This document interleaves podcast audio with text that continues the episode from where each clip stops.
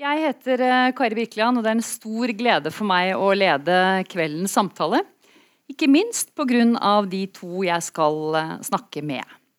Nemlig Nina Lykke og Janne Stigen Drangsholt. To eh, fantastiske forfattere som virkelig tar pulsen på Norge akkurat nå.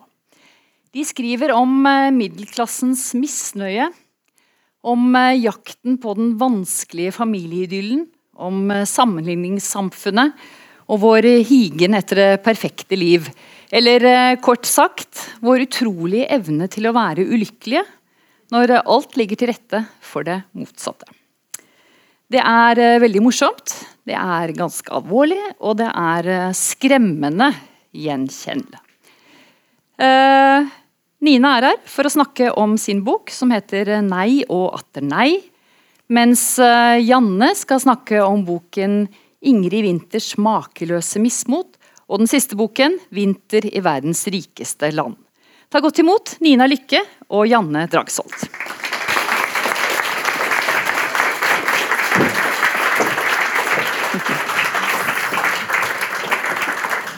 Så hyggelig. Dette har jeg gledet meg til, å møte dere to, må jeg si.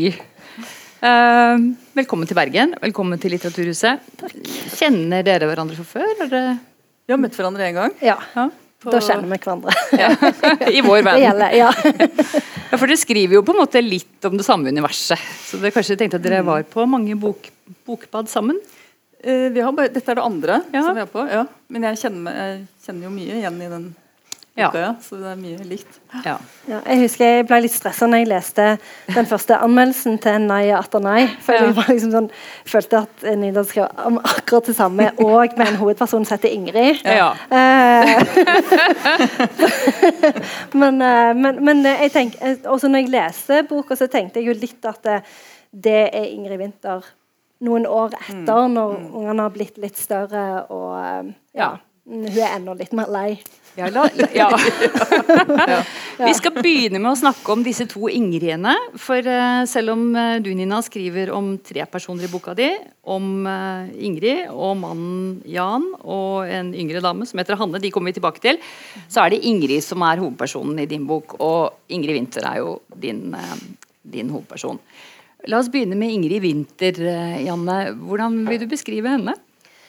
Hun er Jeg tenker jo på hun som en ganske sånn vanlig 40 pluss eh, dame som prøver å kombinere eh, jobb og familieliv eh, og, òg eh, eh, takle sin egen personlighet. Så jeg tenker jo på hun som ganske sånn gjennomsnittlig, men samtidig så, så prøver jeg jo også å ta det litt opp til 11, at hun er kanskje litt mer nevrotisk enn en andre. da. Men, ja. eh, men, jeg, men, jeg, ser på hun som en ganske sånn gjennomsnittlig mor. da. Ja, mm. Men vi andre kan tenke noen ganger at vi, åh, ja, hun er verre enn meg, liksom. Mm, ja, og, det, og det, skal jo, det, skal jo, være morsomt. Ja. Så det er jo, jeg, jeg, har jo lest Av og til så snikkikker jeg litt på sånne blogger og sånn. Mm. Og da er det jo noen som sier at det, Og jeg er så utrolig glad for at jeg ikke er sånn som Ingrid Winther. Og det, det, er helt, altså det er jo fint hvis det på en måte kan gi, eh, kan gi deg en liksom følelse av at jeg tross alt ikke har det så verst. Ja.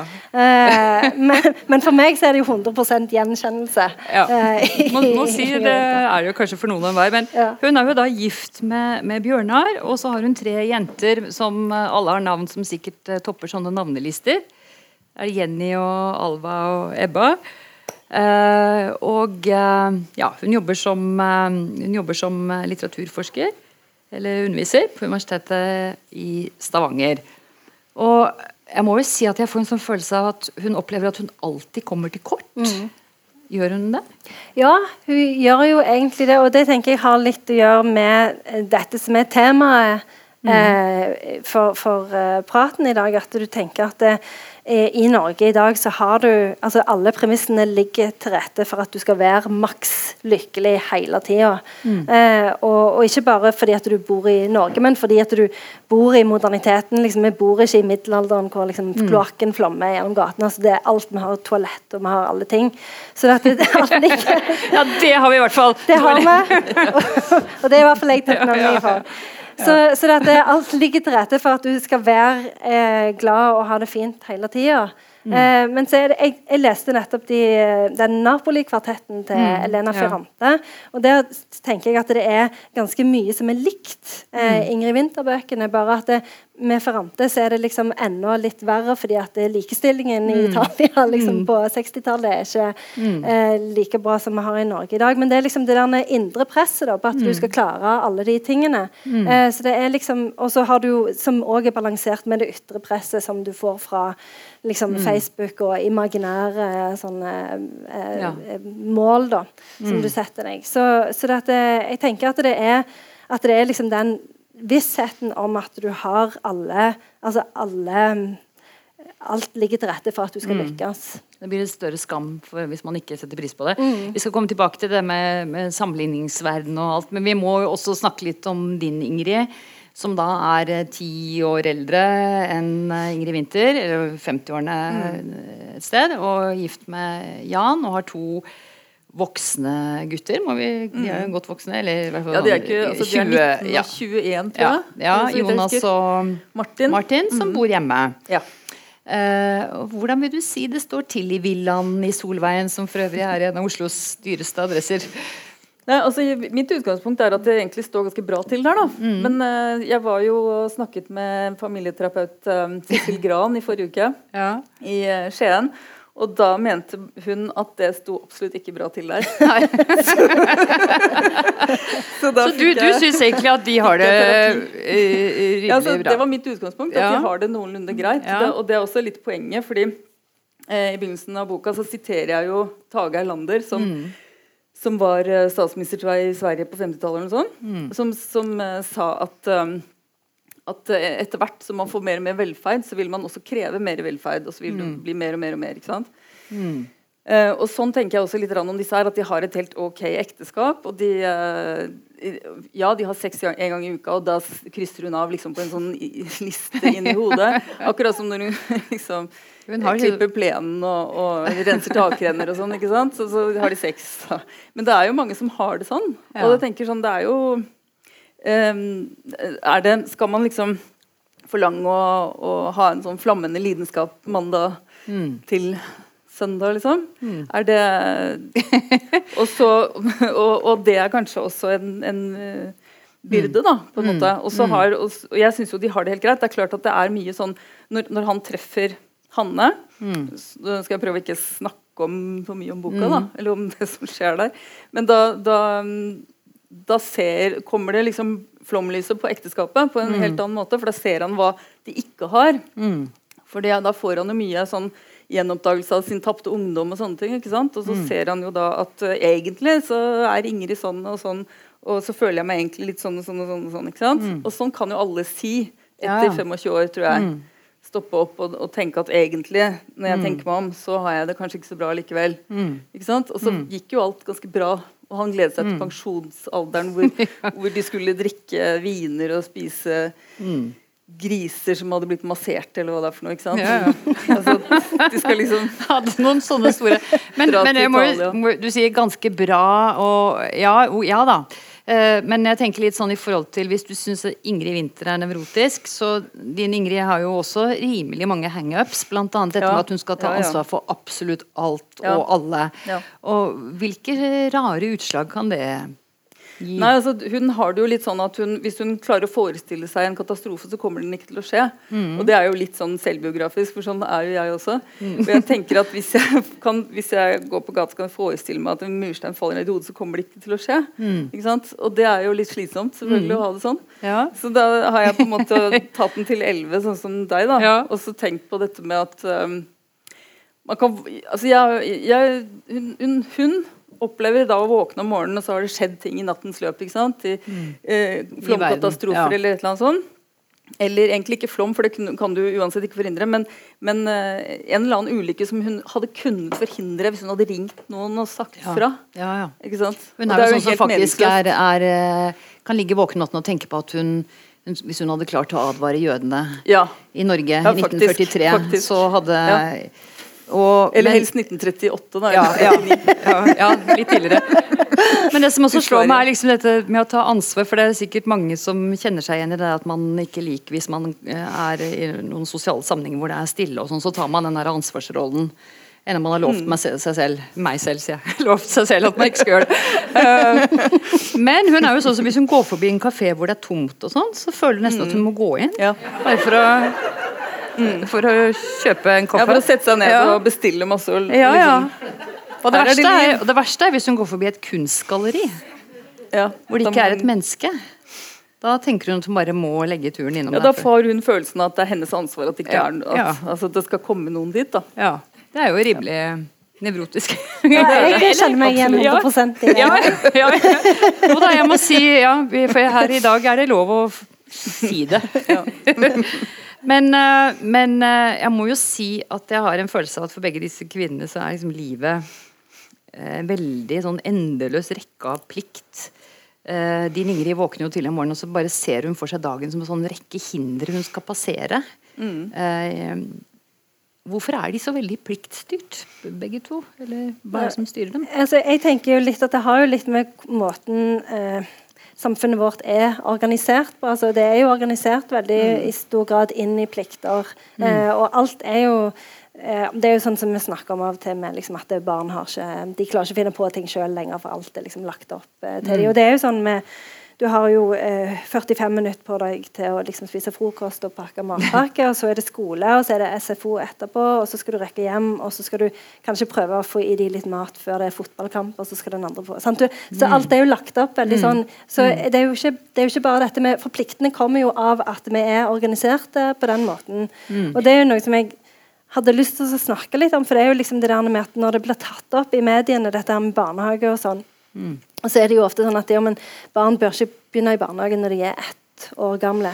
Men da er, jo, da, er jo bare, er, det jo, bare, den nyheten den blir servert til oss. Men det er jo aldri noen spørsmål om å endre på mm. selve mm. systemet. Da er det jo mer det at det, foreldrene må ta større permisjon eller et eller annet sånt. da. At det mm. går på individet hele tida. Mm. Og det er jo det at alt føles som det ligger på individet hele tida, som om du på en måte kan forhindre mm. holocaust. da. Altså Det er liksom i og hundre. Ja, ja. mm. Så, så dette, jeg tenker at det har litt med det å gjøre. Uh, og jeg, jeg, jeg, jeg intervjuer Erling Kagge før jul eh, om den boka hans om stillhet. Mm. Mm. Og da var, ble, kjente jeg ble litt sånn desperat i løpet av det intervjuet. For jeg var liksom, han var liksom sånn Ja, det er stillhet, det er bra, liksom.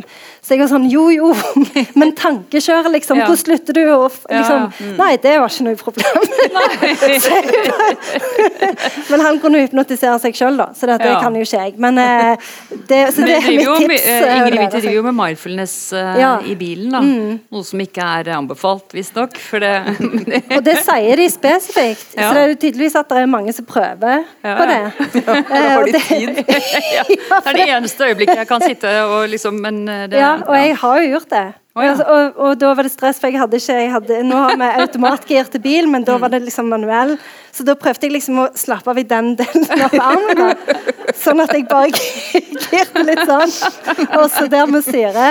Men jeg, jeg følte ikke jeg fikk sånn kjempegod effekt ut av det. Det hjalp ikke sånn umiddelbart. Nei. Uh, nei, og Apropos, altså du, er en, du, er jo i en annen uh, situasjon i livet enn det vi er. fordi at vi har jo eldre barn og er mer på din Ingrids um, mm. liksom tidspunkt i livet. Mens du er midt i den derre kjøre, hente, bringe, FAU-møter, eller FAU heter det kanskje. Vi sier FAU i FAU, ja. ja FAU-møter og alt det andre. Og din Ingrid er jo altså Hele livet hennes er jo liksom Det er vennegrupper, og det er Det er ikke som hun er med i en sånn vanvittig mammakonkurranse. Ja, men jeg, tror ikke, ja, men jeg tror ikke hun, jeg, jeg tror ikke hun liksom eh, vil det. Nei. Jeg tror ikke hun prøver liksom å vise Jeg tror det er mer det at hun prøver liksom å overleve. altså Hun prøver liksom hele tiden å holde hodet over mm. vannet. Og det er jo liksom sånn at det, alle er jo med i den konkurransen. Mm. Men det er, vel ikke, det er vel ikke en konkurranse, det er vel mer det der med at du vil at de skal ha det så veldig bra hele tida fordi at vi lever i verdens rikeste land. Og fordi at de kan ha det så bra. Mm. Og du vil jo gjerne at de skal få oppleve eh, tusen avslut... Altså liksom sånn som så hun eldste mi, hun gikk uh, ut av uh, syvende klasse.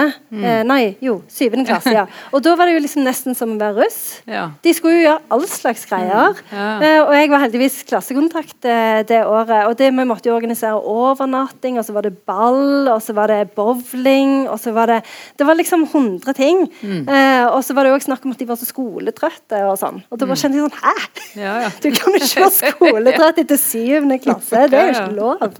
Så, så, så at jeg tror ikke det er en konkurranse, jeg tror det er bare igjen dette her systemet som hun på en måte mm. er med i.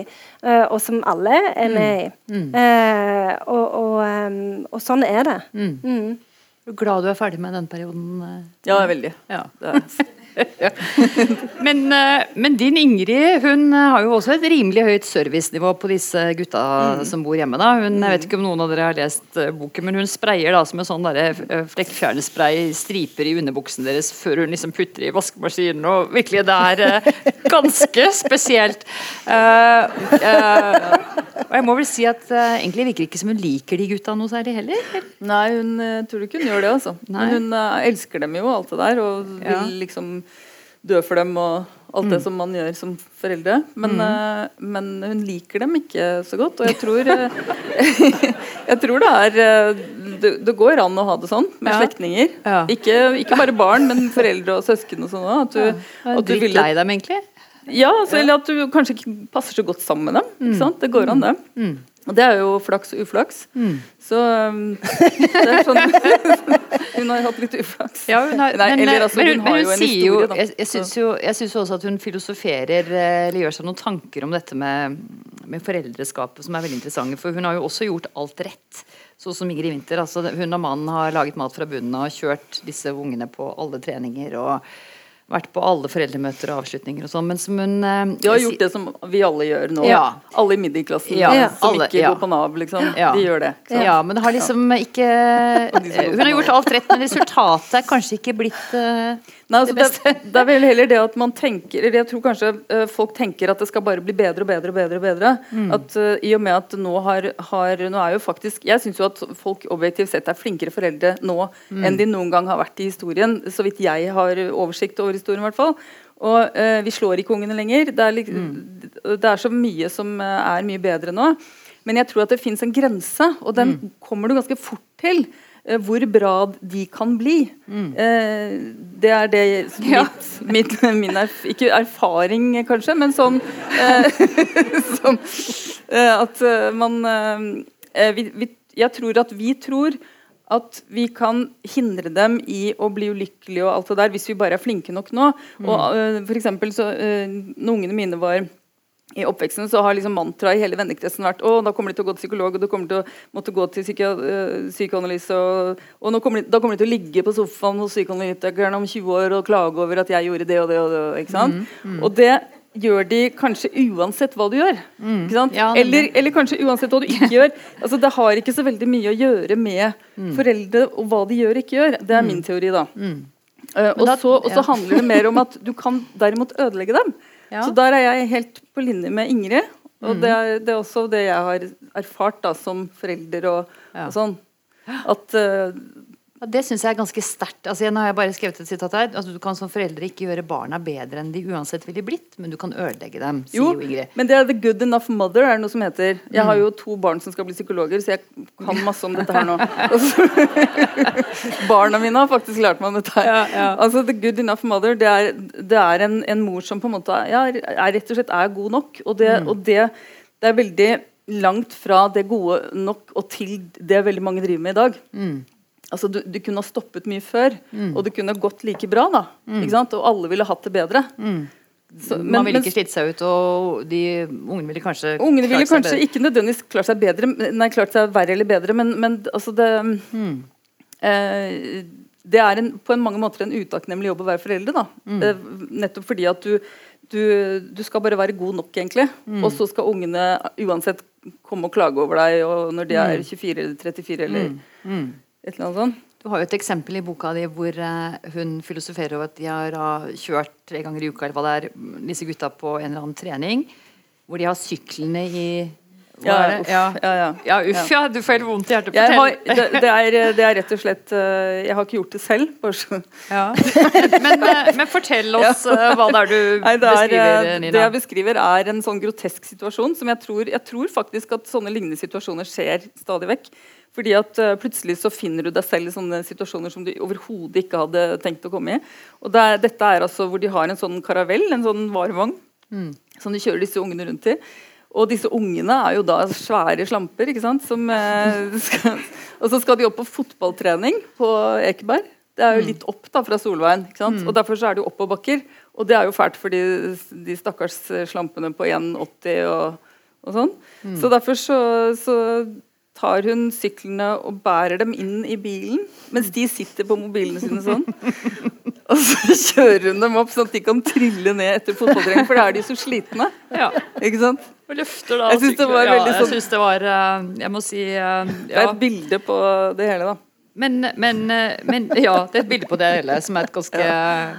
Men du sier i din omgangskrets var det sånn dere fleipa med, eller fleiper med at ja, dette vil de snakke om hos psykologen når de blir eldre. Men Ingrid Winther, det er jo en, en av hennes største bekymringer, dette at, uh, at barna hennes, altså vi påfører barna traumer. Og de vil bruke millioner av penger på psykologtimer. dette er hun faktisk uh, Altså, det gjør henne veldig trist, ikke sant? Eller ja, bekymret? Altså, jeg, jeg, kjente meg på det når de var såpass små at Eh, for nå er det jo syv, og mine er syv og 11 og 13. Mm. Eh, men det var en sånn en periode der hvor jeg kjente at jeg så for meg en sånn strikken i hodet som fort kunne ryke. Mm. Eh, og da var det gjerne sånn at eh, hvis du liksom var seint ute, da, og så gjerne hun ene hun ville aldri ha på seg sokker, mm. og så eh, alle sokkene hadde streker på seg, sa hun. Mm. Og da mm. var det sånn at du hadde vært gjennom alle sokkene, og så var det ikke flere sokker igjen. Men fremdeles sto hun barbeint. Ja.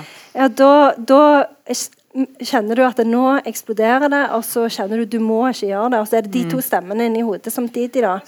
Og så ser du jo deg sjøl ofte utenfra, da, og så ja. merker du at det, nå, nå, går det ikke lenger. Ja, og, og så kommer alt det, det vonde, da. Mm. Og så tenker du ja, nå har jeg ødelagt de. Nå, ja, nå, dette, nå er løpet kjørt. Nå er løpet kjørt. Ja. Ja, ja, men, altså, men, det at vi tar så utrolig mye ansvar da, både for uh, si, barnas lykke Som du sier, Nina, man vil jo helst ikke at barna skal oppleve noe sorg, bekymring, mm. problemer. Noe vi jo vet alle kommer til oss. Og så skal vi jo fikse og ordne da. Alt fra sykler til uh, andre ting. Ja. Jeg har en venninne som sa at nei, nå er jeg jammen glad du, for nå er jeg ferdig med tredje gympensum. Mm. For det hadde hun uh, mm. Liksom lese seg gjennom det da, på ja, nattvakter. Nei, altså for å skrive oppgaver og ordne det meste. gjøre det. Så da var hun ferdig med det. Hun var utrolig glad. Nesten ja, russefeiring. det ble ikke det. Men, eh, men altså Er det Skriver dere Ønsker dere egentlig å selv om du sier Nina, at det er sånn vi lever, de fleste av oss, hvis ikke i vår eller i, i mm. middelklassen. Men, men, eh, men, det er jo en ganske kritikk det dere skriver, ja. tenker jeg, av, mm. Eh, av, det vi driver med. Ja, jeg, jeg tenker jo at, det, at, vi godt kan skru det ned litt. Grann. Mm. Og det som jeg syns er aller verst, det er at du skal liksom syns at det er så gøy hele tida. At det skal være så kjekt. Så liksom sånn, Å ja, de er så flinke, og så kjekt å se på når de spiller fotball. Det er jo ikke det. Det er så kjedelig. Det er, jo, ikke det. Og det er kanskje gøy av og til, liksom, men å se tre fotballkamper hver uke, det er jo ikke liksom jeg, mange andre ting jeg kunne tenkt meg enn det. Det er jo derfor jeg må drive med mindfulness i bilen. Så, det, så, jeg tenker liksom at det, går an å liksom, Du trenger ikke å være så utrolig glad hele tida og alt trenger ikke være så gøy. Og, mm. og, og, og at vi trenger, alt trenger gjerne ikke være så uh, mm. at Det trenger ikke være så enormt høye krav hele tida men selvsagt så skal vi jo ikke gå tilbake til å liksom slå ungene igjen. og jeg synes jo liksom at, nei, nei, at nei, vi, må men, ja. vi må roe litt ned. Men, mm. men, det handler jo kanskje mye om som fører meg over til neste tema, altså dette med forventningene våre til, til livet. Og kanskje til oss selv og til familieidyllen. Uh, Ingrid Winther uh, kjøper jo et hus. Én uh, million over det hun og mannen er blitt enige om at de skal gi. Uh, fordi at det er hun som da må ta budrunden. Han er i retten eller hvor han ja, er. Og hun er veldig dårlig med tall. Så Uh, og Grunnen til at hun har hengt seg opp i dette huset, er at hun har et bilde i hodet av sånne juleselskaper i sånn Fanny Alexander-stil. Og Bakkebyggerenna, Astrid Lindgren-romantikk. Eh, og da tenker jeg, hva er det for noe? Det må jo være noe spesielt som jeg kjenner meg i hvert fall veldig igjen i vår tid. altså mm. Dette med de bildene i hodene våre av hvordan ting ja. skal være. Ja, altså jeg har tenkt, eh, Det har jeg sagt flere ganger i forbindelse med at jeg snakket om boka, sånn, at vi, det er jo en forbannelse og en velsignelse at vi har det sånn. Mm. Fordi at vi vil videre. Og det er det jo noe bra med også. ikke sant? Mm. Vi vil videre, og vi, vi, vi, er ikke fornøyde og alt dette her. Og det er en, kanskje en del av den genetiske arven da, som gjør at vi sitter mm. her nå uten, uten, at det kommer sånne bander og spiser oss opp, liksom. Det er uh, at vi har en viss Vi har en sivilisasjon. Mm. Det er jo kanskje Mm. Eh, og um, resultatet av uh, at vi har det sånn. da. Mm. Men så er det noe med å kanskje sette sporene i hesten litt. Mm. Og, og, og, se dette da, mm. fra, utenfra. Mm. At uh, um, Kanskje at man kan stoppe litt før og alt det der. Med, med hensyn til barneoppdragelse og innredning og hva det er vi driver sliter oss ut med. Sant? Ja, og få det disse, Ingrid er veldig preget av disse bildene i hodet sitt. Av at uh, bare vi kommer til Italia på den ferien, så mm. Og da skal vi gjøre sånn, og da skal alt bli ikke sant? Dette huset er jo utrolig morsomt. Når hun bare går, drar med seg mannen sin på tur om kvelden og bare går og ser på det huset. Mm. Bor jo i et kjempefint hus. ja, er jo egentlig veldig fornøyd, er det ikke det, med det huset? Mm. Og de skjønner jo bare at dette huset er jo vi, Eller vi skjønner jo at dette huset kommer jo til å bli bad. Mm, ja. ja. for de har jo ingen skills. De Nei. klarer jo ikke De har jo kjøpt et gammelt hus. Skal fikse ting selv og ja, det ikke sant? klarer de jo ikke. Nei. Men, eh, men, jeg, jeg tenker, men hvorfor vil hun på død og liv ha det? Nei, jeg tenker at Hus er jo ganske sånn Hus er jo symbol på veldig mange ting. Også for hus er det jo et symbol på denne her uroen som hun føler inni seg sjøl òg. Liksom mm. det der med eh, den anti-Erling Kagge-aktige personligheten som hun har. Da, hvor hun liksom aldri klarer altså Tankekjøret bare fortsetter ja. hele tida. Ja, ja. eh, og så så, så, huset er jo et symbol på det. Jeg tenker liksom, kanskje Hvis jeg er et sted fysisk, så mm. kanskje jeg får litt mer liksom, Kanskje jeg mm. klarer å lande. da. Mm. Uh, men resultatet er jo at liksom, de må jobbe enda mer da, for å få råd til dette huset, siden de har betalt så mye for det. Så Det er liksom, mm. altså, du, det er jo litt det der med at det, eh, hun må jo finne ro inni seg før hun kan. sant? Så Det er jo, ja, ja. Det er jo litt det, men, men, um, men jeg tenker at det med hus det er jo et ganske sånn godt symbol for mange av oss. For det er jo veldig mange som har vært i sånne budrunder og, mm. og opplevd liksom at jo, men jeg, jeg, må det Lykken min ligger liksom i det objektet. Og i mm. vårt samfunn så er det jo veldig lett å tro at du kan skaffe deg ting på et eller annet vis, enten ved å kjøpe det eller ved mm. på eller annet, en eller annen måte. Liksom, ting som kan gjøre at du Altså det, det, er det jo mm. bevis på på alle forskjellige nivåer. Sant? Hvis du spiser quinoa, så blir du sunn, og da får du et bedre indre liv. Eller hvis du liksom mm. trener, så får du mer ro. Altså, så vi gjør jo masse sånne ting hele tida mm. på forskjellige nivåer for å prøve å få det bedre. Og tenker Det er litt sånn som Nina sier, at det er litt sånn genetisk. da, At du mm. liksom streber hele tida. Så huset er jo en av de tingene. da. Mm. Men som er ganske gjenkjennelig i Norge i dag, tenker jeg. Mm. At det, det ja vi er jo på oppussingstoppen ja. liksom i ja, er jo opptatt av huset sitt, uh, Ingrid også, men ikke så mye, kanskje? Hun... Nei, hun er, jeg tror ikke hun er det. Det, det, det, var mer sånn da de drev og bygde det og sånn. For de har jo bygd ja. hus i hagen til mannens foreldre. Ja. Sitter under sånn epletre og drikker Ja, ja, det gjør det. Ja. ja. Og da tenker hun at hun skal liksom ikke ødelegge dette her og sånn. Mm. Så hun sitter jo der med litt sånn sju vintre inni seg, da. Mm. mm. Som ja. hun er redd for å skal ødelegge hele tida. Fordi hun kommer jo fra noen sånn veldig, veldig sånn sjabre forhold. Hvor foreldrene er døde for lenge siden. Og, Så det er jo en grunn til Det er jo ikke noe Nei. Altså hun, ha, hun kommer jo virkelig fra en sånn et slags sånn mørke, da. Mm. Ikke sant? Mm. Så sitter hun der i lyset under pæretreet og mm.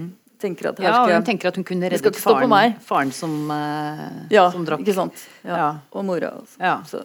Og hun hadde, og det der, i, det, i det kom den ansvars... Uh, ja, det er ja, sånn klassisk. Ja. Men jeg har jo følelsen av at Ingrid, din Ingrid også har Det kommer bare noen sånne små hentydninger at uh, hun også har en eller annen grunn til denne uroen sin. Mm. Men du sier ikke helt uh, Nei. Nei. Men det ligger, det ligger jo noe bare, der. Nei, det, det, kommer ikke ut av ingenting, liksom. Nei, nei. Eh, så, At hun er veldig redd for å gjøre feil. Mm, mm. Mm. Og, og, og, det er jo dette med å ja, ødelegge hele tida og sånn. Og mm. jeg tenker at jeg identifiserer meg ganske mye med det du sier liksom om at du på en måte tar ansvar for ting. og sånn at det er liksom alt. Altså, men det er jo litt igjen det dette her med at du skal Går du også inn på kafeer hvis de er tomme? Jeg, jeg, prøvde å redde en klokkebutikk en gang, ja. eh, som lå på Danmarksplass, faktisk. Ja, men den eh, det gikk ikke. Klarte du ikke? Nei. Blir det plaget av at ingen stakkars mann eller dame bak disken? Ja. Du skulle liksom ordne opp? Ja. Jeg kom faktisk på hvor det kommer fra. det der, fordi at Da jeg var liten, så var det tristeste jeg visste, det var det der Inger Hagerup-diktet om den der bakeren som oh, ja, sitter ja, på den øya og ikke får solgt kakene sine. Så jeg tror det er liksom kanskje der det kommer fra. da det er sånn, Kan jeg nesten begynne å grine av den dag i dag. Ja, jeg husker det veldig godt. Men uh, Janne, har du selv sittet på sånne budrunder og liksom uh, bare sagt til mannen at det ble litt dyrere enn ja, eller eh, han er veldig usikker på For vi kjøpte et hus, eh, eh, og, og, og, han har blitt veldig usikker på hva som egentlig skjedde i den budrunden. For nå er det liksom fakta og fiksjon har uh, rota seg sammen. Ja. Uh, men, uh, men, uh, men, vi var sammen om den budrunden. Ja. Så, men det er jo klart at det, at det, det mister jo altså tall og penger altså De mm. mister jo sin betydning i sånne budrunder. Mm. Så det du blir liksom, 10 000 blir veldig lite ja, ja. veldig fort. Men det er interessant det dere snakker om at disse husene eh, Eller ja, ikke sant, de blir jo symboler på noe som skal gjøre at noe skal bli bedre. Ikke sant? Eller mm. Jeg leste et sted at uh, folk med en viss økonomi, når man kommer sånn i midten av 50-årene og barna flytter ut, så enten skiller man seg, eller så kjøper man seg leilighet mm. i Frankrike, eller mm. altså Det er liksom sånn uh, Jo, men altså man, man Noe må skje. Noe må skje. Ja. Um, ja. Og det som skjer Ingrid, med Ingrid Winther da, når de endelig flytter inn i huset her, er jo at hun får også da noen nye naboer. som, og da slår hele den sammenligningsgreia inn i livet hennes. Mm da er det virkelig at hun på en måte måler seg selv opp mot de og den lykken hun tenker at de har. Mm. Eh, hva er det du vil beskrive her, Janne? Jeg, jeg, tror ikke det hadde skjedd hvis ikke Bjørnar, som er mannen til Ingrid, hadde vært så utrolig kjip. Fordi at han eh, Han er, er han mistrives på jobben, eller han har kommet liksom til et punkt i livet Jeg, leste en sånn undersøkelse om at eh, eh liksom hvor, hvor, du er han sånn statusmessig i enhver alder. Så I hele verden så er det liksom 70 år gamle kvinner de har den laveste statusen, uansett hvor du er hen. Mm, ja. Men eh, de som har liksom best, størst status i alle land, det er 40-åringer. Mm. Eh, så dette, men, men, når du er liksom 40 eller et par og 40, så har du jo samtidig den der følelsen av at det, nå begynner det liksom å bli for seint med mm. ting. Mm. Så hvis jeg skal gjøre en endring, så må jeg gjøre det nå. Mm. Men så er det jo samtidig for seint å bli liksom rockestjerne. og sånn. Du må liksom gjøre noe som du faktisk kan gjøre. da. Ja. Eh, og der er litt Bjørnar, tenker ja. jeg. Ja, at han på en måte ikke egentlig trives sånn veldig godt med jobben sin. Mm. Eh, men, men, han vet ikke hva ellers han skal gjøre. Mm. Og så jeg hadde hadde sett for meg liksom at det, for det, altså det som man tenker da, er at det, jeg, kanskje liksom jeg kan gjøre noen sånn nyttige snekreting. Kanskje det mm. liksom er noe. Og han kan jo ikke det. Mm. Men, men, det, men det er liksom det han på en måte tenker kan redde han da, ut av denne her begynnende 40-årskrisen eller depresjonen. Mm. da. Eh, og, og derfor så, på grunn av at han er der som han er, så er han òg ganske lei av Ingrid, egentlig. Altså, mm. Jeg tenker at Ekteskapet deres i begynnelsen av denne boka det er liksom i ferd egentlig med første skritt mot ja, å falle litt fra hverandre. Står ikke bra til. Nei. Nei. Eh, så, så, derfor så, så um, Derfor så støtter ikke han hun når hun vil at de mm. skal snakke drit om naboene. Mm. Og, det, og, og, det er utrolig dårlig gjort. Ja, hun blir jo ja. Så, Man skal jo være enig. En skal være enig, og hun kan ikke være alene liksom, med å si sånn 'Å, herlighet, de er så lame', og den der liksom, jålete jakken hun har på seg, jeg skjønner ikke poeng med den. Og så er han sånn at han syns den jakken er fin. Mm. Det er jo ikke det et ekteskap er bygd på. At liksom, du skal ja, ja, ja. drive ja, ja. Ja, så det, det er det som er Nå husker jeg ikke spørsmålet, men det er jo, det som er problemet. Jo, men det er hele den sammenlignings... Ja, nemlig. Så det, det, egentlig så gjør det ikke noe Jeg tror ikke det hadde gjort altså Hennes problemer med de naboene genereres av at mm. bjørner trekker seg vekk fra hun og går over mm. mer eller mindre på deres lag. Mm. Og det er liksom det største sviket. ja, ja. ja. Men, det, men det, det, er jo på mange måter et forslitt tema, men samtidig så tenker jeg det, det er jo klart at uh, i den verden vi lever i nå, hvor vi blir jo Altså vi har jo sosiale medier som et sånt nådeløst speil. ikke sant, Fra, mm. er, eh, fra man er liten til uh, Og selv om man ikke ønsker å være en del av det, så er vi jo det alle sammen. Uh, hva tenker du om det, den sammenligningskulturen som, som, som også gjør at man kanskje mm. streber enda mer etter dette perfekte ja. livet? Altså, um, jeg, jeg, skriver ikke så mye om det. Mm. Uh, det, det um, for meg så er det sånn tilbakelagt stadium. fordi mm. Nå er jeg 51, og jeg, jeg kunne være mm. veldig misunnelig da jeg var yngre. Mm. Så det hadde vært veldig ødeleggende for meg hvis jeg var yngre nå. Hvis jeg var sånn 30 mm. kanskje, da, da jeg, kunne jeg kjenne misunnelse. Men mm. nå er det akkurat som det begynner å forsvinne litt uh, for meg. da. Men det er klart, sånn, sånn, sånn der ute og, og, sånn, så er det klart at det Lykke har jo ikke noe å gjøre med hvordan man har det med hvordan naboen har det. Mm. Altså hvordan, Hvis du har et stort hus, og naboen har et dobbelt så stort hus, så vil ditt hus se ut som en, en liten stall. ikke sant? Mm. Uansett hva du gjør. Mm. Og, så, og, sånn er det jo. Og da kan jeg tenke meg at uh, Facebook hjelper jo ikke akkurat på den veldig grunnleggende jeg tror, mm. jeg tror alle de sosiale mediene, mediene på en måte um, mis, Vi blir misbrukt av dem, eller vi mm. misbruker dem. fordi at vi, hjernen vår er ikke eh, tak, Vi takler det egentlig ikke. Og mm. samtidig som det fôrer oss uh, som heroin. da. Mm. Så, så, vi blir avhengig av det, for det er noe sånn veldig besnærende med det også. Mm. Og samtidig som det er uh, som Jeg tror at vi blir helt sånn gjennomhullet i hjernen av det. Mm. Så ja, jeg vet ikke hva, hvordan det kommer til å gå. Mm. så jeg er ganske pessimistisk egentlig på det. Mm. det er, uh, for selv om man ikke ønsker å være en del av det, så blir man jo Ja, fordi at vi er vi, På grunn av at hjernen vår er sånn som den er. Det er, det er sånn, ja, masse sånn rotteforsøk på dette her, mm. med sånn dopamin og sånn. Du har to døtre, da. Masse om dette her. Ja. Datteren min er på fjerde år eller noe sånt. Så masse med rotter og mm. ja. Og da, da, er dette det, det, går rett på de, de sentrene i hjernen. Med sånn, mm. sånn, hvis jeg, hvis jeg f.eks. sjekker mail og Se om du har fått en sånn rød prikk på Facebook. ikke sant? Og er det noen mm. som har likt eller et eller annet sånt? Uh, og, det, og, det, gjør ja. at vi får en sånn dopamin eh, Det er et eller annet som skjer med det. Jeg, jeg er jo ikke fagperson på det om, området i det hele tatt, mm. men jeg vet, eh, jeg har hørt eh, nok til at liksom Facebook er det verste Eller sånne ting, da. Mm. Altså, mail er samme greia, mm. men det er liksom litt mer sånn gammeldags nå. da. Mm. Facebook er mer sånn dung, dung, dung, dung, dung hele tiden. Sånn, dung, dung, ikke sant? Mm, sånn, mm. Akkurat som en rotte som hele tiden skal mm. ha sånn pellets. ikke sant? Hvis det, mm. kommer, hvis det kommer pellets sånn uregelmessig, så slutter den aldri å holde på. ikke sant? Men hvis det kommer eller ikke, da, da, kom, da vet den at det ikke kommer. Eller da vet den mm. at det kommer. ikke sant? Så da spiser den bare når den er sulten. Hvis det kommer uregelmessig, så holder den på sånn hele tiden. Sånn som vi. Sånn, sånn. Ja, ja. Sitter og skaller. Ja. Så det, er det, det jeg tenker ja. om Facebook. da. Jeg tenker ikke så mye på sånn sammenligning med lykke og sånne ting. For det, det, mm. det er bare en, en, del av det. En mm. liten del av det, som mm. jeg ser det i hvert fall. Mm. Ingrid plages jo over dette, men, men, eh, men, det er klart at uh, etter hvert så viser det seg jo at uh, alt er jo ikke som det framstilles, naturligvis. Såpass vet vi jo, selv om vi lar oss lure innimellom, at den verden man kan bli besnært av, det vil jo vise seg. Jeg skal krøpe for mye, men, men alt er ikke sånn som det ser ut som i det nabolaget heller.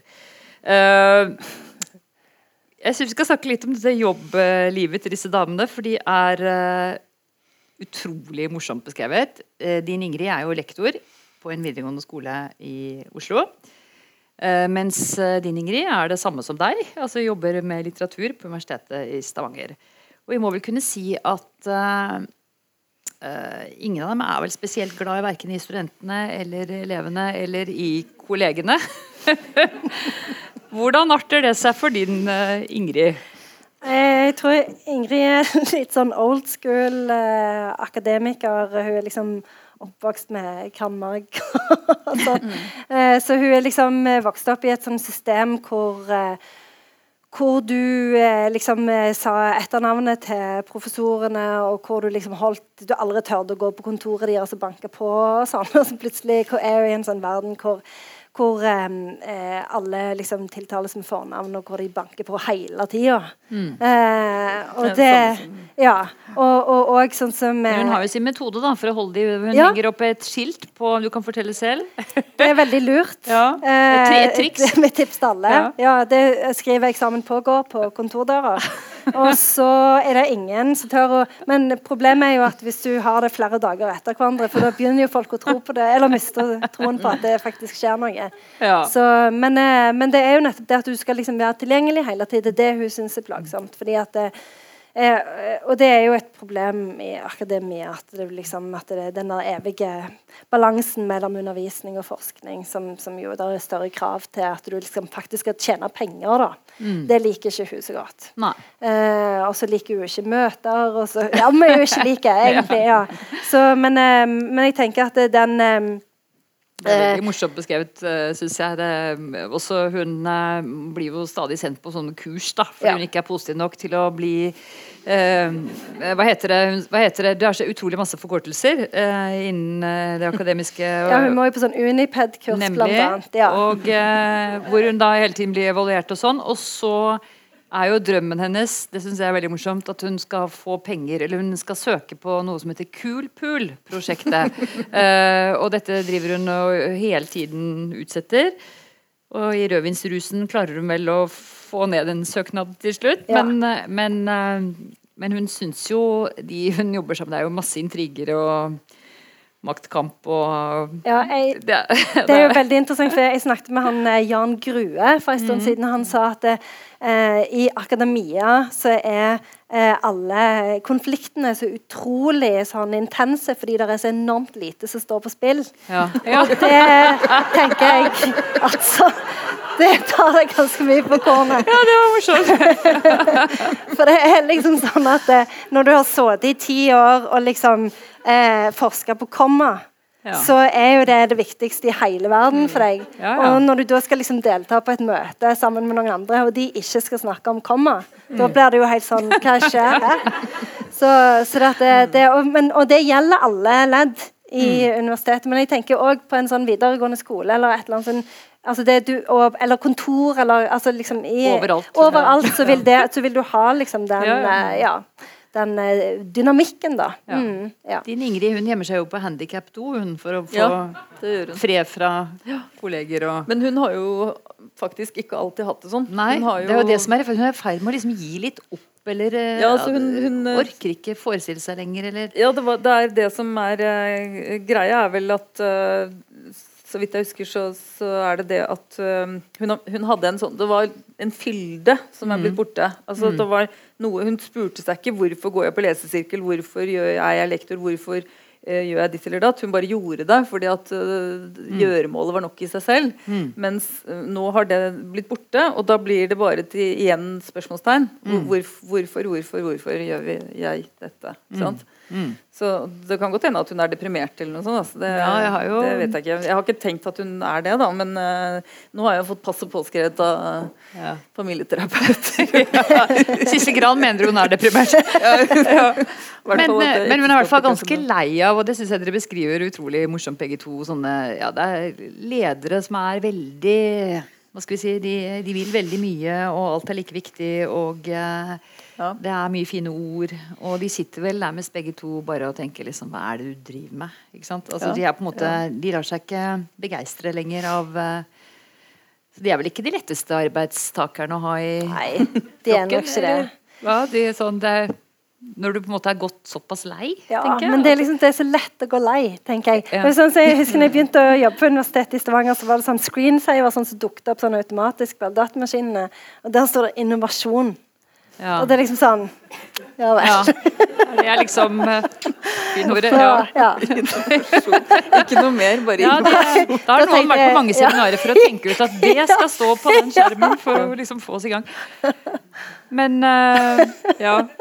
Og din Ingrid hun står jo og ser utover denne klassen på videregående skole og teller i hodet sitt så og så mange har ME, så og så mange er selvskadere, så og så mm. mange har matintoleranse eh, osv., osv. Det er jo Og deprimerte, det er jo Ja, vi vet jo at det er eh, sant, mye mm. av det. Og samtidig vil vel kanskje mange tenke at hun er jo helt nådeløs. Ja, ja, ja.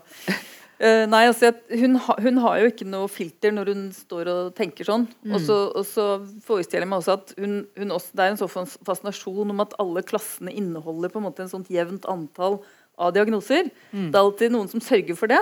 Mm. At det fins en anorektiker og en med ME og en som har ADHD. Altså Det alltid er et utvalg. Mm. Og det er det som jeg tenker at hun er fascinert av. Mm. At det er eh, ja. men, men, er det mange som leser boka di som, som, som sier at det var da veldig lite empatisk? Eller? Ja, det er det noen som har sagt. Ja, ja. Men altså, Ikke akkurat empatisk, men uh, veldig sånn trist. De synes det er veldig trist. Og da tenker jeg at er, altså vi, vi, er, eh, vi, er, heldigvis veldig forskjellige, alle mm. sammen. Og det, jeg blir jo opp, eh, oppmuntret av sånn svarte ting. Mm. jeg tror Jeg vet ikke hvorfor, men jeg tror det er litt sånn to forskjellige folk i verden. Altså, det er noen mm. som blir veldig trist og syns det er fryktelig trist og leit, og sånn. Og så er det andre som bare og jeg er den siste, da. det må du utdype. Altså, hvordan, hva, er det, hva, er det, du blir, håper jeg? Du jeg tenker... vet ikke hvorfor. Altså, jeg bare, det er ikke det at jeg blir, jeg blir selvsagt ikke i godt humør av å lese om, om lidelse sånn i seg selv. Det er ikke, det er, det er ikke sadist, liksom. Men jeg, men jeg tenker sånn Den, den derre når hun uh, har det tankekjøret hennes, da, mm. som er et ord jeg har lært av deg, som er veldig bra ord ja, ja. Så det tankekjøret hennes, det, Eh, det mm, kommer av altså det, det, er jo helt uten filter. Mm. Fordi Nettopp fordi det er tankene. Alle mm. har vi jo tanker som er helt uh, nådeløse. Mm. Ofte. Mm. Eh, vi kan gå på gata og irritere oss over noen, og så vet og Man kan ikke gi uttrykk for det. For at i neste øyeblikk så er det noen som irriterer seg over deg. ikke sant? Mm. Jeg går i Oslo og irriterer meg over alle de som går med de jævla mobiltelefonene. Og mm. sekundet etter så går jeg der selv. ikke sant? Mm. Og så tenker jeg ja men, ja men, jeg skal jo bare svare på en melding. Ja, ja, ja men det skulle jo de òg. Så man kan jo ikke gi uttrykk for disse tingene. Men man kan tenke det. For det er det jo ingen som hører. Og man kan også, faktisk også skrive det. Altså, det er jo ikke, Hvis det virkelig hadde vært helt Altså Hvis, uh, hvis Karl Ove Knausgård hadde skrevet virkelig mm. alt sammen, så ville han jo ikke hatt noe liv igjen. Mm. Ikke sant? Fordi at da, da, forsvinner jo alt. da Hvis mm. du skal på en måte fortelle alt, både positivt og negativt. Ikke sant? Fordi at mm. jeg tror vi har um, jeg håper jeg snakker for flere enn meg selv. Mm. At vi har ganske mye rart inni ja, hodet. Og derfor så tenker jeg at det, det, hun tenker, er ikke politisk korrekt eller noen, mm. noen, ting. Hun kunne ha tenkt eh, Det var mye verre, det, egentlig, det første utkastet jeg sendte. og så fikk hun heldigvis roa ting ja, litt ned. Da. Så, og da det er jeg veldig glad for nå. Ja. så, men, men, det virker bare som din Ingrid er bare utrolig lei av å være så grei som hun har vært. At nå ja, altså, gidder hun ikke Ja, det er, sånn, det, er vel, det er, vel, mer sånn at hun rett og slett har mistet grunnen, på en måte. Mm. Som hun ikke mm. visste at hun hadde da hun var der. Mm. Da visste hun ikke at hun var der. Og så, det er vel kanskje en beskrivelse av overgangsalder òg, da. Fordi at mm. man kan, jeg kjenner meg jo litt igjen i det selv. At det blir at uh, uh, Hæ, hvorfor Ikke sant? Mm, så blir man blir litt sånn uh, uh, Hva var det egentlig som var så Hvorfor skulle man gjøre det? Hvorfor, ja, hvorfor var det så gøy, da? Ja. Liksom, sånn, uh, og det er jo en sånn frihet i det òg, for ja. man blir jo kanskje mer og mer glad i sitt eget selskap. så dessverre, Janne, det er ikke sånn at når disse små barna vokser opp, og sånn, så bare da er man bare ute og lever livet. Da sitter man hjemme og ja. Nå har jeg mista alt håp. Ja. ja. Jeg tror, altså, det er veldig mange min, eh, vi, ser, vi ser jo ikke venner så mye lenger når man er 50. og, det, og det er jo ikke fordi man ikke kan, for nå kan vi jo. For ja. alle er jo, ungene er jo store og sånn. Det er fordi at vi har vent oss til å være hjemme for de ungene. Og så har vi liksom Nå kan vi gå ut, men vi går ikke ut. Akkurat som sånne hunder som har vokst opp med sånn elektrisk gjerde, og så går gjerdet bort, og så blir de bare sittende Kanskje det er det Jeg syns det er utrolig imponerende at det er så mange som har kommet ut av sofaen uh, og er her i dag. For det, det, det, må jeg innrømme at jeg noen ganger syns det er litt sånn tungt å komme ut igjen. Men det er jeg jo veldig glad for. Det må jeg si. Uh, vi sa, nevnte det innledningsvis altså at boken din eh, Nina, den handler jo ikke bare om Ingrid, den handler også om hennes eh, byråkratmann Jan. Mm. Eh, og om den unge ikke helt unge og lovende lenger, men dog mye yngre kvinnen Hanne. Ja. Eh, og nå må du selv velge hvor mye du har lyst til å fortelle, ja, ja. ikke sant? så ikke jeg skal spoile det. Men vi, vi kan vel bare si at Jan, han, når kona begynner å gå skikkelig lei og ikke gidder å forestille seg lenger, så er det akkurat som han bare Han får en ny vår på jobben og stiger i gradene og Altså, han, det, det samme, altså, hennes litt sånn manglende livslyst og sånn, mm. det sammenfaller jo med at han får opprykk på jobben, som mm. kommer litt sånn i fanget på han. Mm. For, som, så han blir avdelingsdirektør i departementet. Mm. Ett departement. Mm. Og, og da, så da går de liksom litt sånn, da. At han mm. går opp og hun går ned, på en måte. Og, og så treffer han da Hanne. Så og hvem er, Hun syns jeg også er en fascinerende For hun har vært uh, veldig flott og kunnet plukke menn. Uh, og vært liksom kanskje litt sånn uh, friskt pust i dette departementet. Og nå mm. føler hun vel at ja, hun, begynner å brenne under føttene på henne? Eller? Ja, for alle vennene har forsvunnet inn i kjernefamilier og rekkehus og sånn. Mm. Så det er ikke så mye, mye, av det gamle livet igjen. Hun mm. er jo 34-35. Mm. Um, så, Begynner å ringe har, til gamle flammer og Ja, ja, men hun, hun er jo også supernevrotisk. ja. Altså, hun er jo uh, ja. Hun blir veldig fort lei, f.eks. Mm. Hun, hun blir ikke fort lei, men hun henger seg opp i ting. Hun mm. henger seg opp i f.eks. hvis en mann går med føttene litt utover, så får hun helt uh, Så greier hun ikke å tenke på noe annet, og så må hun slå opp med han og sånn. ikke sant? Så litt sånn Så angrer hun noen år etterpå og begynner å ja, ja, sjekke opp på Facebook hvor Og plutselig så virker de så normale, og ja. han hadde ikke pipestemme likevel. og ja, og, ja. ikke sant? Søren, nå har han blitt den kjekkasen, egentlig. Hvorfor tok jeg ikke han? Men hun faller jo, kan vi si det? Ja, det kan vi jo. Det Skal vi si det? ligger i kortene, det. Nei, det, det ligger jo i kortene. Faller jo for Jan, da. Hva vil hun med han? Nei, jeg tror det er litt sånn uh, rett tid og sted, kanskje. altså. Ja. Jeg vet ikke helt. Det er jo ofte, Så vet man jo ikke hvordan man havner i noen situasjoner. altså um, um, Altså det, hun, møter, hun, ser på han som en av de 50-åringene på jobben som hun kan flørte med hvis man kjeder seg. eller noe sånt. Hun, mm. hun, han er liksom helt utenfor. Ikke fordi at han er gift, men fordi at han er helt uaktuell. ikke sant? Mm. Og så skjer det et eller annet, så vrir av universet seg noen grader, og plutselig så er det han. Mm. Og det har vi alle opplevd, en sånn situasjon hvor du ikke tar noen med i betraktning, og så plutselig så er Jo da, det var visst mm. Mm det var visst uh, det allikevel. Mm. Ikke sant? Så det er sånn jeg tenker om det. da, At uh, det er mye tilfeldigheter òg. Mm. Det er ikke alt som er skrevet i stjernene, og at det måtte skje sånn og sånn. Kan, man kan ta et lite valg som kan få veldig store konsekvenser. Ikke mm. sant? Og så... Um, Plutselig syns han det er veldig attraktivt å være i en sånn rotete leilighet i gamlebyen eller ja, ja. liksom, og ikke ja. forlate villaen i Solveien. Og, ja. Og For Ingrid kommer jo dette som et sjokk, men samtidig så tenker jeg at den skilsmissen, eller altså det at hun faktisk opplever en veldig stor omveltning i livet sitt, gjør at hun på en måte settes litt fri? Ja, hun gjør jo det. fordi hun blir jo kvitt alt det der gressklipping og seks en gang i uka. alt ja. dette her.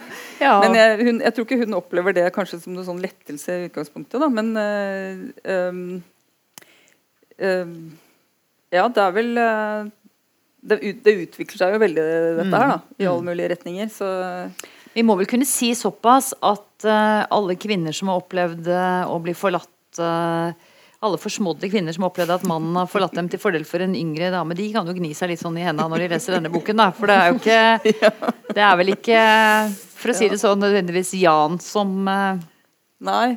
Han settes vel heller i produksjon igjen, for å si det sånn. Ja, om, om, det er han som liksom vinner, uh, vinner, uh, vinner uh, kampen her, det kan man jo spørre seg. Men det er jo fascinerende, syns jeg, å lese også hvordan, hvordan din Ingrid idet hun opplever dette sjokket med at alt, alt hun har på en måte trodd på forsvinner. At hun også da liksom kan slippe seg selv litt òg, på en måte. Altså det, mm. jeg føler at hun eh, Ikke bare gressklipping, men at hun liksom Det er ikke så farlig lenger, på en måte. Hun slipper jo kanskje taket helt, da. Ja. Og det er jo Jeg syns jo det er uh, fint ja. at hun gjør det. Men uh, der har det også vært mye rare reaksjoner på det. Altså, ja. fordi det er mange som mener at, det, at henne går det virkelig ille med. Ja. Jeg syns jo hun Jeg tenker hun var ganske heldig. Kommer inn i en slags nirvana, tenker ja. jeg. Ja. Ser vi kanskje litt likt på verden. vekk fra juli, liksom. Ja, ja, ja, ja. uh, vi skal uh, snart gi oss, men jeg, men, uh, men jeg, tenker litt på når dere skriver om disse damene, og selv om vi kan si at mye er gjenkjennelig, tenker dere noen ganger at dere har lyst til å si liksom, Kan du ikke bare gi deg selv litt slack? Slappe av litt? Altså, jo.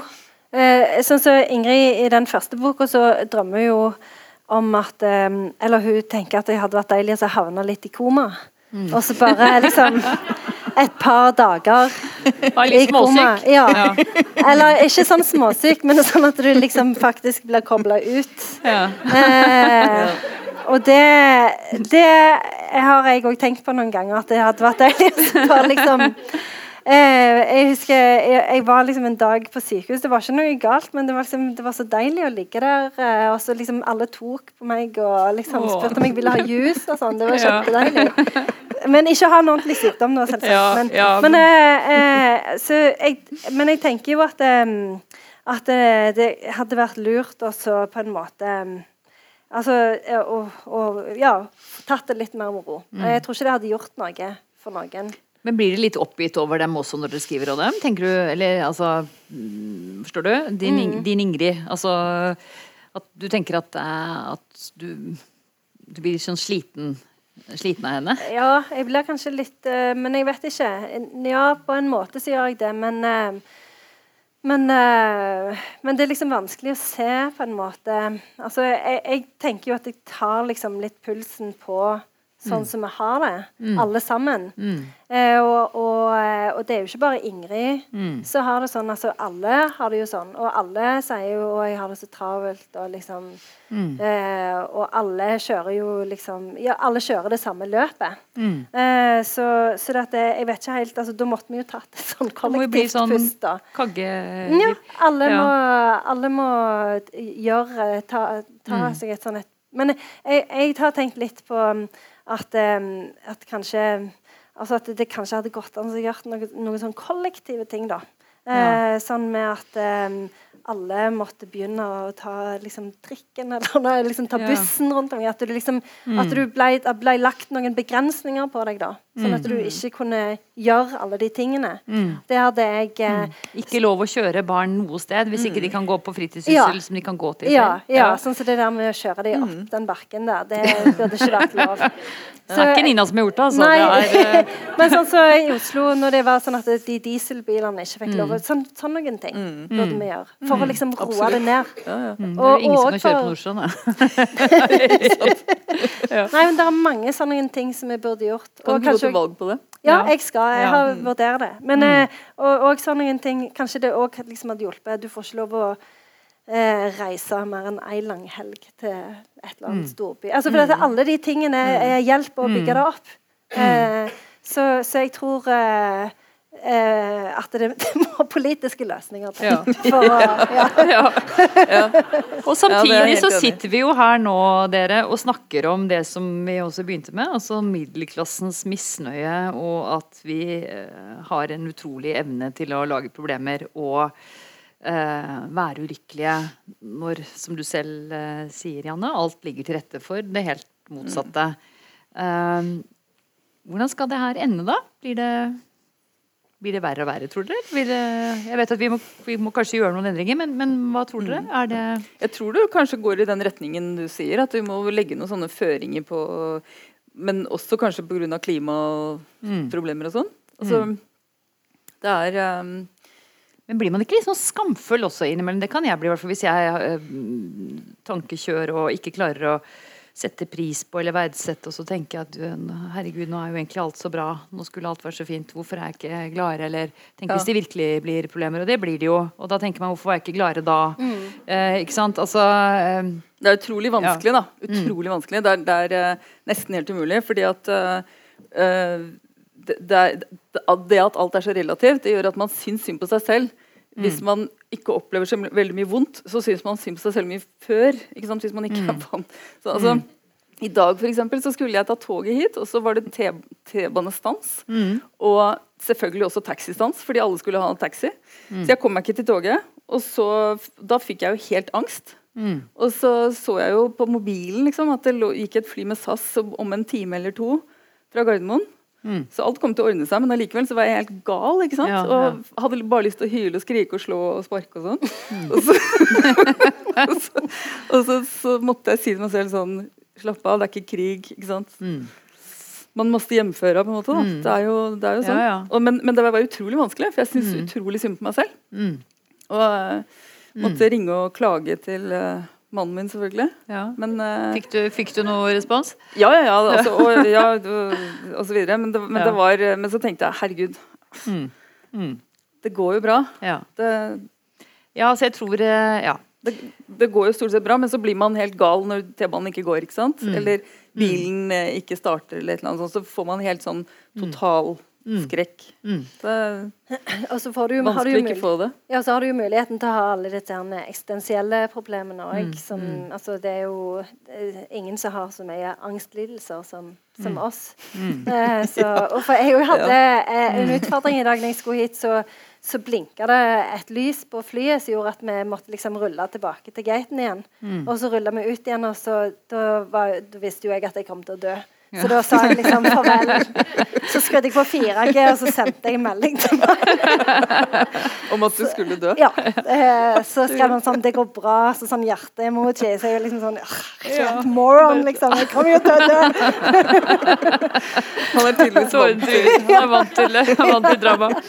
Så, men vi måtte bytte fly, og det var veldig ja. dramatisk. Ja. Så, Janne, blir det eh, flere bøker om Ingrid Ingrid Winther? Ja, det blir, eh, det blir nok ei til. Jeg har allerede en sånn scene. Vi hadde sånn veldig traumatisk barneselskap for noen uker siden, så da måtte jeg skrive et kapittel om det. og du har altså full jobb på universitetet, tre barn, og skriver på si. Eller om natta, eller jeg vet ikke når du skriver. Ja, eh, når skriver du? Ja. Nei, det står opp veldig tidlig. Ja. Mm. Fem? Ja. Går det greit etter Nei. Nei. Det gjør ikke Hva er planen? Planen er å kutte ned og få en politisk løsning. Ja. eh, og så eh, skrive ei bok til. Det er min plan. Ja. Det håper vi. Ja. Inna, du jobber jo som grafisk designer, men mm. er frilanser. Ja. Eller i hvert fall kan styre det mer selv. Og har jo, dette er jo ikke din første bok. Eh, om, du, om, det blir noen flere bøker om det samme temaet, eller hva skriver du på nå, eller jeg har ikke kommet i gang med Nei. noe uh, ennå, men uh, Du reiser jo rundt og snakker om boken din, så det er jo ikke så rart. Ja, eh, som har fått ja, veldig gode kritikker. Ja. ja. Men du får tid til å skrive? Ja, jeg har jo Jeg, jeg fatter ikke at det går an. Jeg syns jeg har det veldig slitsomt, jeg. Ja. Men alt er relativt. Å vanne plantene og Ja, det. Jeg har ikke det plantene. Men er dette et tema du kommer til å utdype videre, tror du, i andre bøker? Eh, det vet jeg ikke. Nei. det har jo liksom uh, vært mye av det, men den forrige boka handlet jo, ikke, det handlet jo faktisk også om et brudd. Men det var mm. ikke det som var hovedsaken. Mm. Så, men det, det, er ofte det, det, det temaet her det mm. blir. Ja. og det er vi veldig glad for, for det har vært utrolig hyggelig å ha dere her eh, begge to. Bøkene deres er til salgs der eh, bak. Eh, og dere signerer her oppe. Hvis noen vil kjøpe, så kan de komme fram og benytte sjansen til å få signerte bøker. Tusen, tusen takk for at dere kom. Tusen takk. Takk.